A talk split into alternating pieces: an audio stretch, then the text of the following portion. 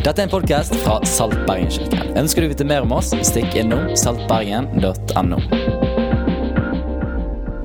Ok. God jul.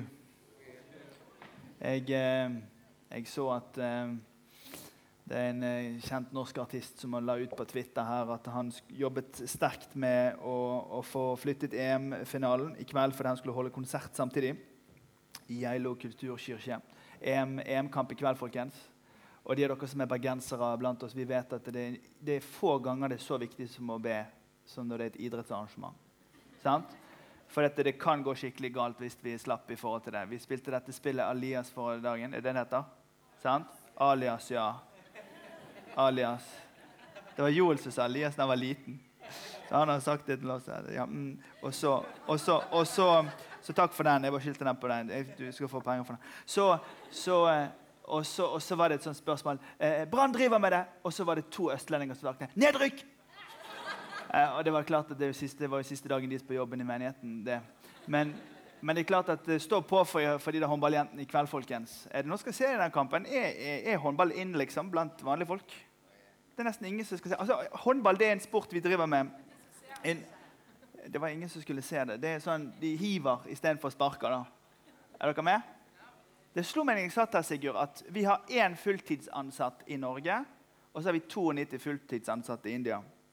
Dere vet det, sant? I kirken vår er det, bare, det er bare jeg som er fulltidsansatt her, og så resten er litt sånn deltidsansatt. Så, men vi har 92 i India. Så neste år når jeg skal ha julebord, så skal jeg ha de i Delhi.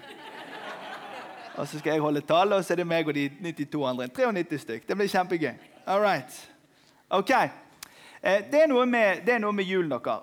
Eh, at det, det er jo viktig for oss at vi ikke lever i en type sånn reaksjon mot julen. sant? For det er jo kjempekjekt med jul. sant? At vi eh, ikke blir sånn kristenmoralister når vi snakker om jul. Men det er en unik mulighet å få lov til å snakke om det viktigste budskapet i rammen av julen. Altså, Julen gir oss en mulighet hvert år til å komme innom dette temaet, dette kjempestore evangeliet, snakke om Bibelen, synge julesangen og sånn.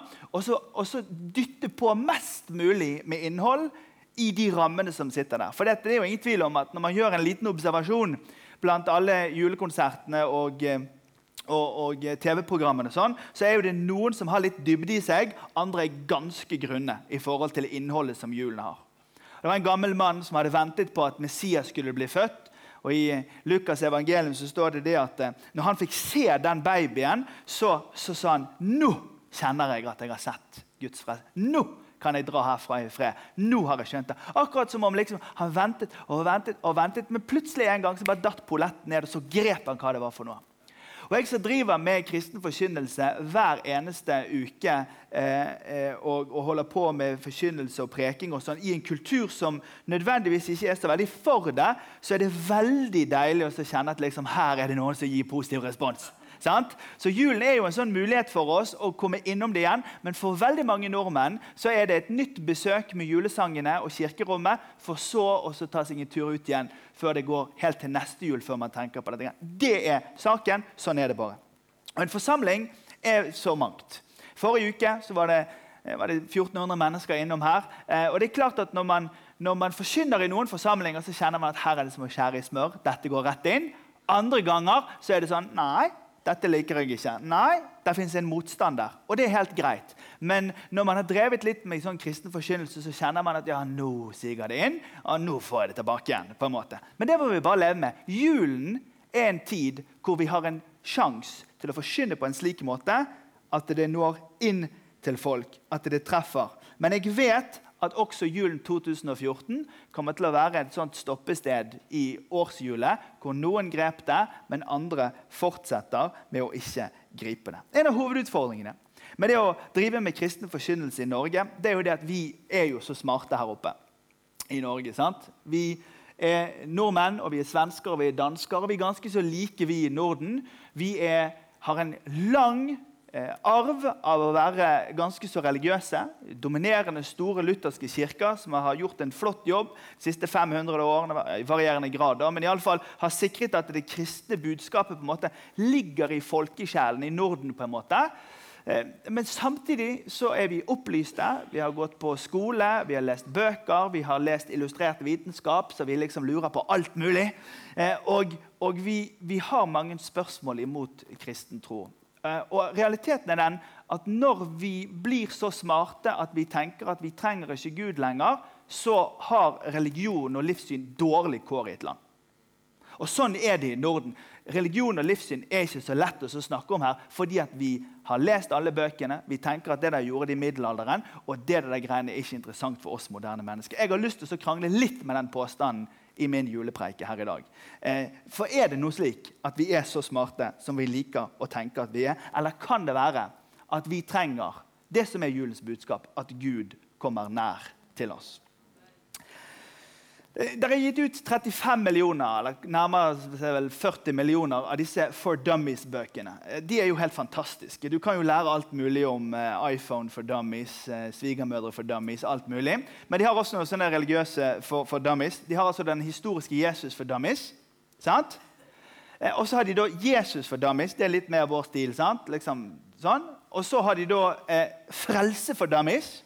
sant? Og så enda viktigere da liksom, How to fall in love with Jesus for dummies.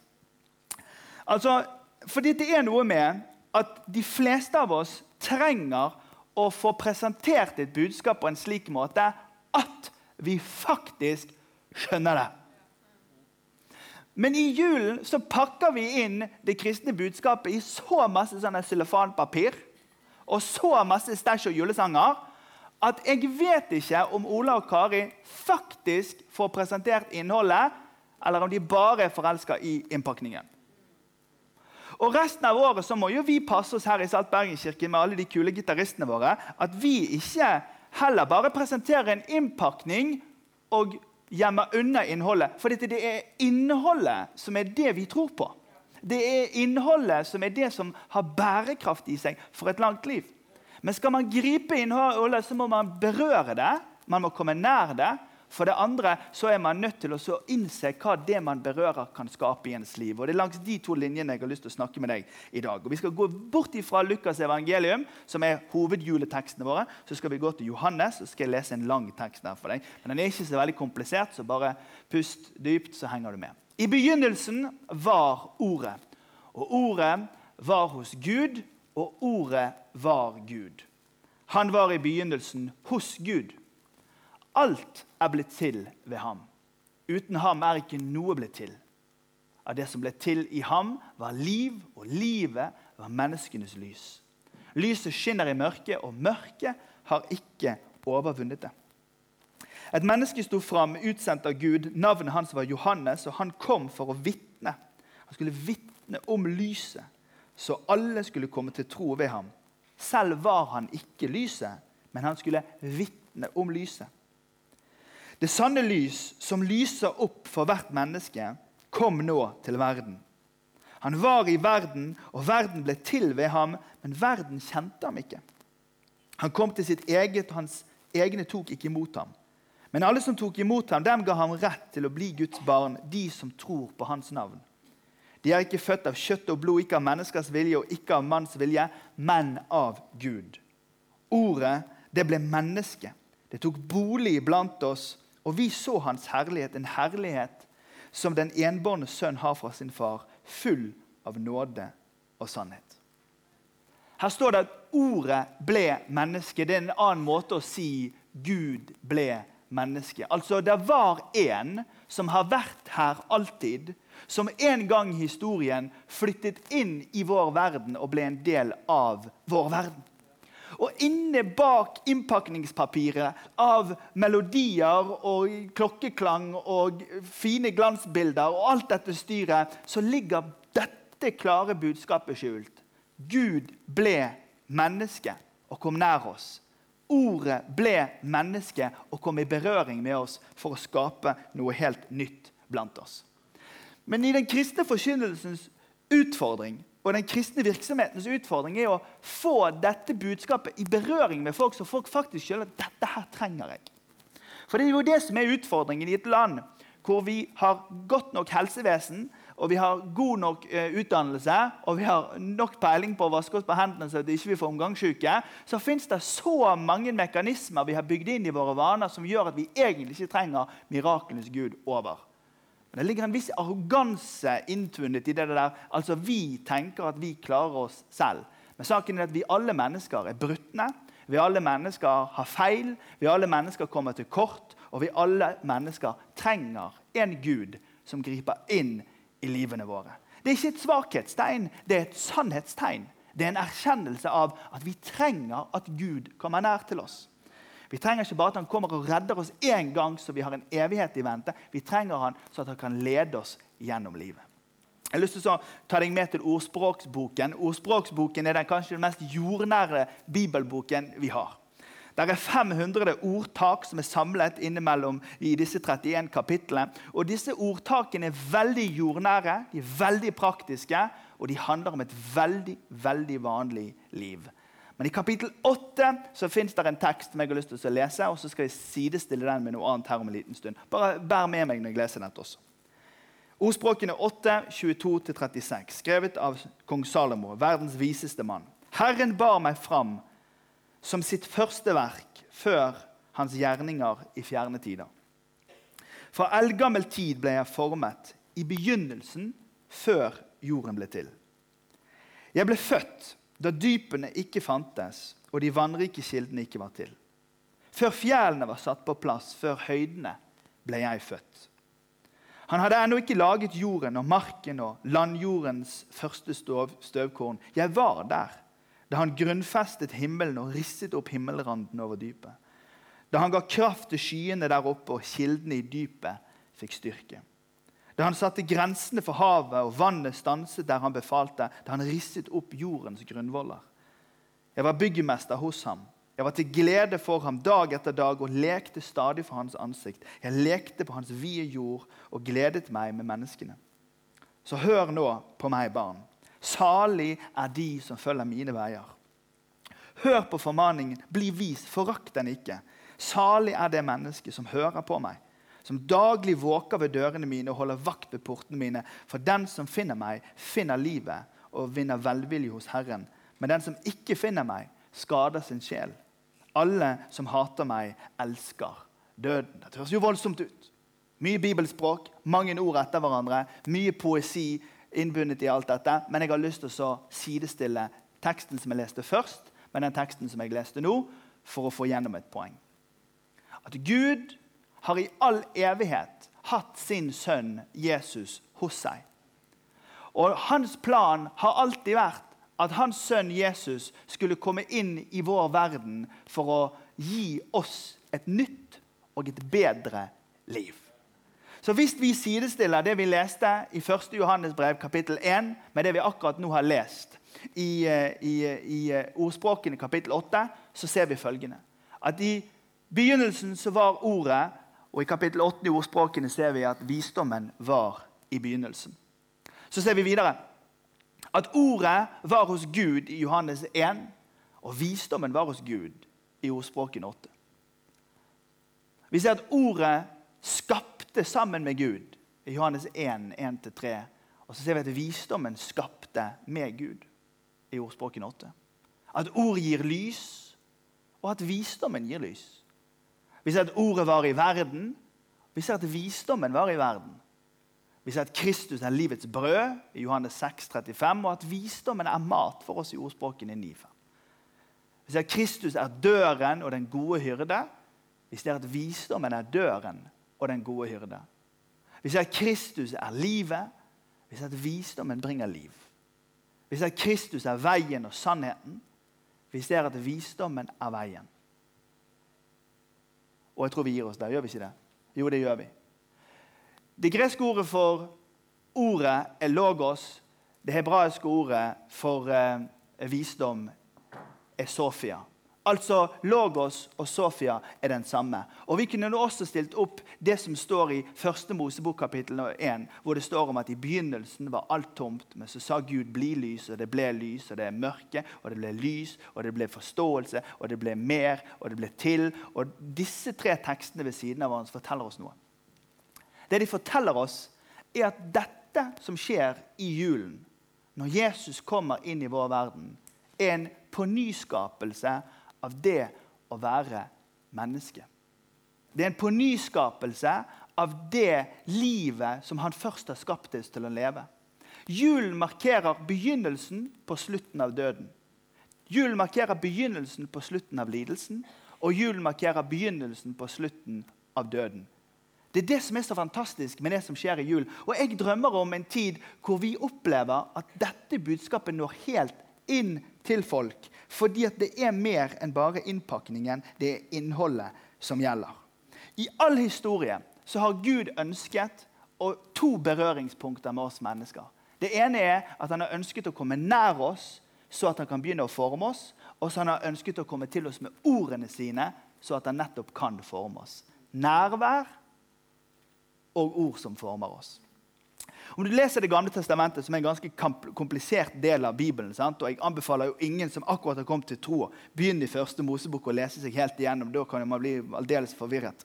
Eh, det er ikke det jeg snakker om. Men det som er interessant i Det gamle testamentet, det er det at det er en sirkulær bevegelse mellom at mennesker tror, og så faller man fra. Så kommer det en katastrofe. Etter katastrofen så blir det en ny krise, og så omvender folk seg. For, og så kommer man tilbake til Gud og så er det et nærvær av Gud, og så er det en lydighet, og så er det en katastrofe, og så er det en krise, og så er det en ny krise. Og så går man tilbake igjen til Gud, og så gjennom hele Det gamle testamentet så er det en sånn syklus som går fra omvendelse til katastrofe. Omvendelse til katastrofe. Fordi Gud er den samme tvers igjennom den delen av historien, og vet du, også tvers igjennom den delen av historien som vi lever i nå. Hvor han søker å komme nær oss, han søker å forme oss, men vi oppnår krise, katastrofe, frafall, omvendelse, og så begynner vi på nytt igjen. Og Vi befinner oss nå på et tid i historien hvor vi er sånne folk som er vi er ganske så frafall. Vi er ganske så frafall fordi at Gud tenker ikke vi om som en som er veldig nær oss. Og vi lar ikke i veldig nevneverdig forstand Hans ord være med og forme oss. Så hvis du ser på hele Norden eller hele Europa sånn i stort perspektiv fra 30 000 fot, så er det egentlig behov for en omvendelse. Det er egentlig behov for at vi hører at han vil komme nær, og at vi hører at han vil at vi skal la oss forme av han. Men vi får jo bare tåle det. La meg bare eksemplifisere dette litt ned for deg. I første Mosebok kapittel 1 så står det at jorden var øde og tom. Og Guds ånd svevde over vanene. står Det Det er jo ganske heftig. Hebraiske ordet der, det er roa. Det, det, det, Guds ånd svevde over vanene. Men når Gud, når Gud skapte mannen, så tok han noe, noe jord og så formet han det. Nå kan du velge hvis du velger å tenke at dette er bare poetisk. Det, det er stort slingringsmonn her. Jeg tror det jeg tror, du tror det du tror. det er helt greit. Men beskrivelsen er at Gud tar biomassen og så former han, og, og så blåser han inn i, inn i mennesket sin ånd.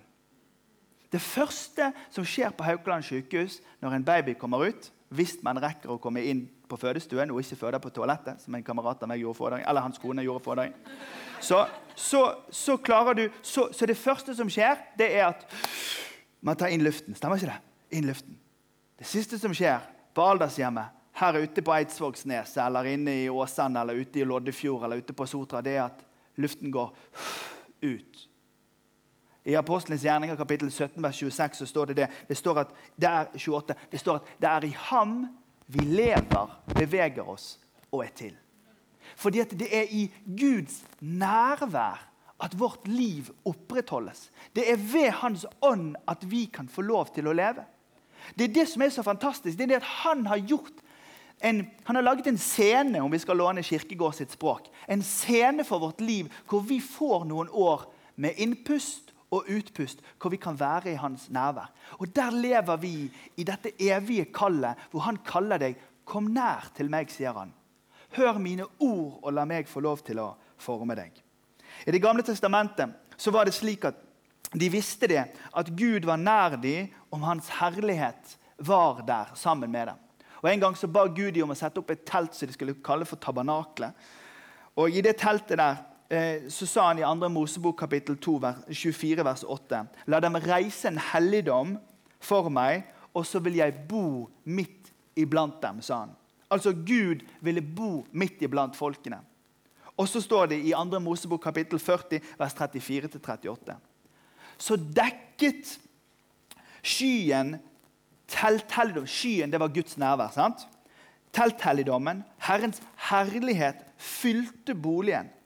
Moses han kunne ikke gå inn i telthelligdommen fordi skyen hadde tatt bolig over den, og Herrens herlighet fylte boligen. Hver gang skyen løftet seg fra boligen, brøt israelittene opp, og så dro de av gårde på sine vandringer. Men når skyen ikke løftet seg, brøt de ikke opp før den dagen den løftet seg igjen. For Herrens sky lå over boligen om dagen, og om natten lyste den som ild for øynene på Israels hus, så lange som vandringen varte. Altså Gud var fysisk manifestert til stede blant folket sitt med en sky som var et signal på 'nå er jeg nær deg'. Så i Edens hage så skapte han Adam og Eva, og så var han med dem. Så ble den relasjonen brutt, og så har du den fysiske manifestasjonen av en sky framover. Og så, så, så har du den evige sy syklusen, den evige syklusen av omvendelse, lydighet, krise, katastrofe, frafall, omvendelse, krise, katastrofe, frafall. Og dette skjer om og om igjen. Dette skjer om og om igjen gjennom hele historien. Og denne historien som, som fortsetter, den er lik hele veien fram til det blir jul første gang. For når det blir jul første gang, så leser vi mot slutten av det vi akkurat leste fra Johannes. Og ordet ble menneske. Det tok bolig iblant oss, og vi så hans herlighet. En herlighet som den enbårne sønn har fra sin far, full av nåde og sannhet. Altså Den dagen det lille barnet ble født i den stallen, så var det slutt på at det var skyene som skulle fortelle at Gud var der. Det var slutt på at det var en ildsøyle om natten som skulle gjøre For de greiene der er så vanskelig å forholde seg til. Nå, som det står i messageoversettelsen, har Gud sjøl flyttet inn i nabolaget. Han har flyttet inn i vår verden og på en jordnær, livsnær måte blitt en del av våre liv. Gud har kommet nær. Og alt i hele denne julefortellingen handler om at Gud i sin nåde banket på dørene i Betlehem for å spørre folk har du plass til meg. Og Det var bare ett sted det var plass til han, og det er akkurat sånn det er i Norden i dag også. Det er sånn, banker på døren, men det er ikke så mange av oss som har plass til han. Det er ikke så veldig mange av oss som har rommet til han. Timeplanen til det freden i hjertet, roen i tankene, rommet hvor han kan tabernakle med oss. Hvor han kan komme nær til oss.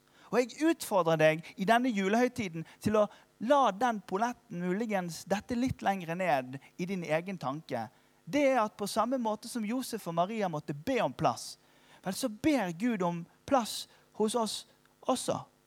Fordi at i syklusen av eh, omvendelse, lydighet, katastrofe, frafall, krise, omvendelse og tilbake igjen, så treffer han oss i makroperspektiv som kultur.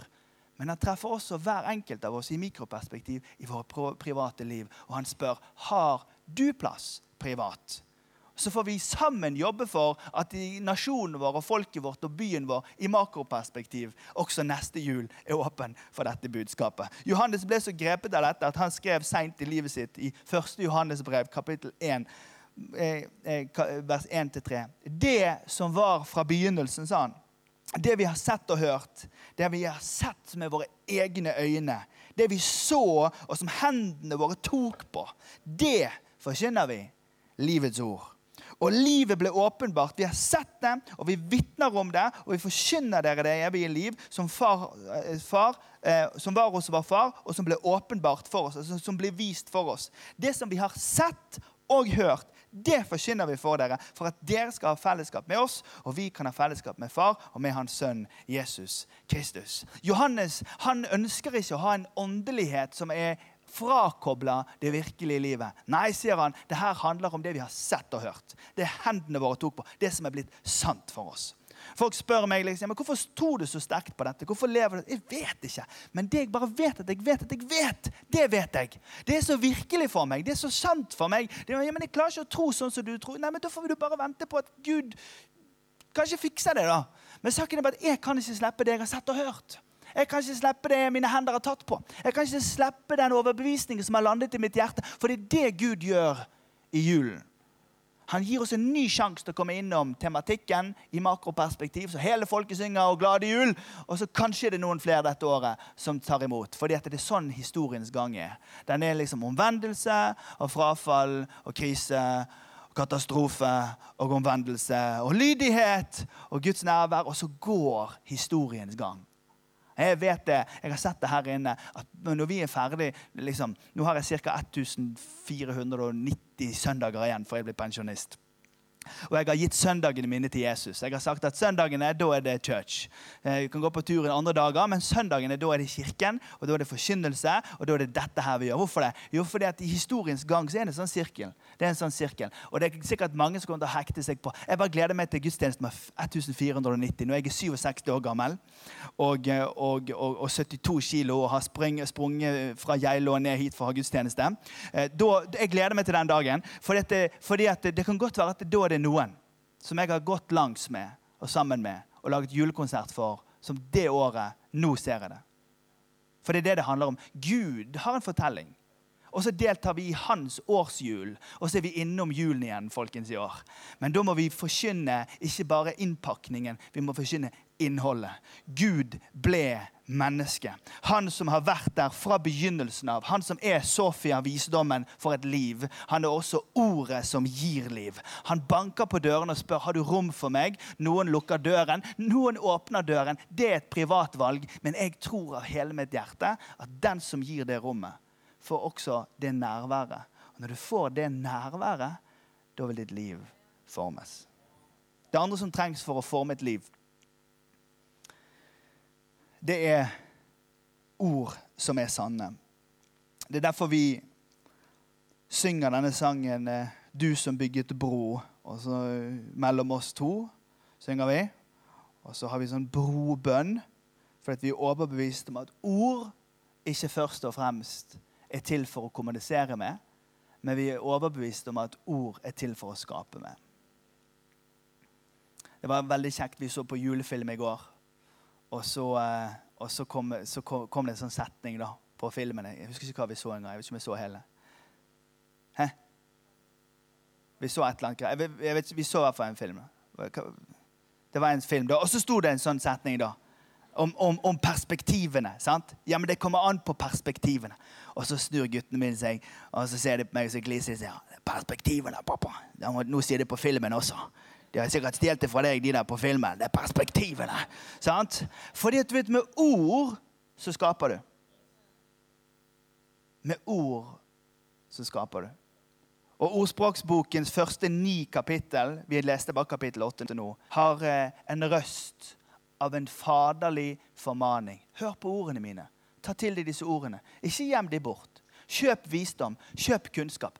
Hør på ordene. Hør på ordene. Det er så ufattelig mange ord, folkens, som går igjennom vårt hode, og som skaper grunnlag for ting vi tror på. Men jeg sier det igjen, jeg har sagt det mange ganger før. Du må for all del ikke tro på alt det du tenker. Du må ikke tro på alle de ordene som danner grunnlaget for dine følelser. Du må ikke tro på alt det som kommer innom, for det er altfor mange ord som søker å skape noe i ditt liv. Du må velge hvilke ord som du skal bygge ditt liv på. Fordi ord er ikke til bare for å kommunisere med. Ord er til for å skape. I begynnelsen var alt øde og tomt, og så sa Gud 'bli lys'. Hva var det som skjedde da? Der gikk lyset på. Og så skilte han vannet, og så der ble landmarka til. Og så skaper vi på samme måte. Vi skaper selvbilde i den vi er sammen med. Vi skaper tro i de barna vi oppdrar. Vi skaper fred iblant folk i nabolaget. Vi skaper forsoning på arbeidsplassen. Vi skaper nye prosjekter og nye ideer ved å løfte taket og snakke visjonært med hverandre. Ord er ikke til for å bare kommunisere med. Ord er til for å skape med. Og Det er derfor jeg er så glad i julens budskap. For det er en glitrende kommunikativ linje i det. Hvor Gud blir menneske absolutt på det nederste nivået av det å være menneske. For at alle vi skal kunne vite at vi er inkludert over han. Der er plass i den lille babyens budskap til alle fattige. Til alle fra alle ulike etniske grupperinger og fra alle kulturer på hele jordkloden i all historie. Det er en fantastisk fortelling. Gud ble menneske visdommen, han som var der og skapte med Gud, han som formet og var byggmester for alt det vi ser omkring oss, han valgte å bli menneske for å bygge opp vår verden helt på nytt igjen. Han valgte den julen så gå inn her i vår verden for å reise opp en ny måte å være menneske på. Og Vi kunne stilt disse to tekstene vi gjorde opp her ved siden av første Mosebok kapittel 1, og så vil budskapet bli enda klarere for oss. Det at Jesus kom, betyr en ny skapelse av en ny måte å være menneske på. Det handler om en ny skapelse av en ny måte å leve i denne verden på. Derfor er det for dumt at innpakningen kidnapper innholdet i pakken. Fordi Det store julens budskap er jo at vi har fått en mulighet til å få et helt nytt liv. Og så er det da slik at når julen nå er over, og vi er ferdig med julesangene, og vi pakker ned julegranen, og englene må liksom legge seg i skjul, så så har vi hatt denne sjansen. Men saken er at eh, i januar så bare begynner et nytt kirkeår rent sånn på kalenderen. Og så har vi tenkt å feire gudstjeneste både i januar, og februar, og mars, og april, og mai, og juni og juli. Og så kan man av og til tenke at liksom, hvorfor er det vi som skal stå her og holde på med halleluja, når resten av folket bare kan nyte en julekonsert og slenge inn en 50-lapp i desember? Og kanskje komme til himmelen likevel. Det er da vi er nødt til å gripe at han er ikke kommet for å ta livet fra oss. Han er kommet til å gi livet til oss. Han har kommet og så spurt kan jeg få lov til å komme inn til deg og være nær deg og forme deg. Kan jeg få lov til å komme så tett på deg at de ordene som jeg har, de gir du ditt åre til, så at ditt liv kan bli formet langs linjene av det at jeg ønsker oss å skape noe nytt nå. For jul handler ikke om å pynte på det livet vi har. Jul handler om at i begynnelsen skapte han, og så ble det lys. For visdommen var der, og nå formes det. Og så kommer Jesus inn i verden, og så former han en helt ny måte å være menneske på. Og vet du, dette, Jo eldre jeg blir sant? Nå skal jeg ikke åpne et nytt teologisk tema. Jeg skal, jeg skal avslutte nå. Men man tenker jo noen ganger når man holder på med kirkelig virksomhet og forkynnelse, at liksom så mye kraft vi legger inn, står resultatene i stil med det.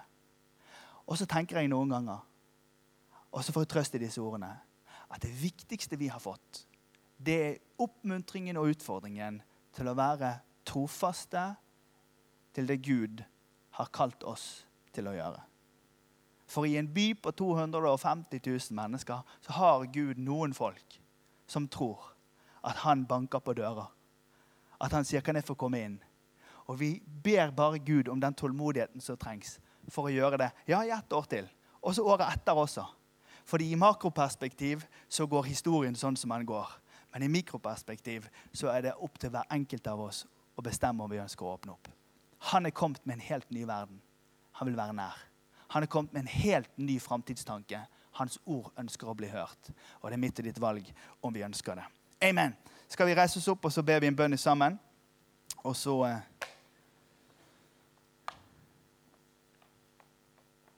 skal vi synge litt sammen og gå til avslutning her.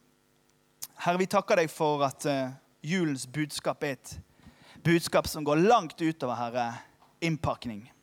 Herre, takk at uh, det er vakkert. Takk at det er en flott fortelling. Takk at det er en, et nydelig drama, Herre, som vi kan skape både følelser og opplevelser rundt, Herre. Ja, vi sier takk til det. Men takk, Herre, for at det du har gitt oss, er ikke bare en flott innpakning. Det er et vidunderlig, kraftfullt innhold. Herre, takk, Herre, for at på samme måte som du skapte i begynnelsen, så skaper du gjennom julens fortelling muligheten for et helt nytt liv for oss mennesker. Herre, takk at julens budskap er markeringen av begynnelsen på slutten av døden. At det er markeringen på begynnelsen av slutten av lidelsen. At det er markeringen på begynnelsen på slutten av all lidelse og alle problemer og alt det som vi skammer oss over. Det er begynnelsen på slutten av alt dette. Takk, Herre, for at du var villig til å komme inn i vår verden. For å forkynne til oss at nå er det kommet et nytt liv. Herre, det takker vi deg for. Og jeg ber deg om at denne sannheten skal bare feste seg. Herre, sånn som det gjorde i Simeon i kapittel 1 i Lukas evangelium kapittel 2 der, når han, når han ser deg, Jesus, første gang. Nå ser jeg det. Jeg ber Herre for folket vårt at det er flere som skal se det. Jeg ber for menigheten vår. Jeg ber for oss som er her i dag, at vi skal se det. Jeg ber om det i Jesu navn.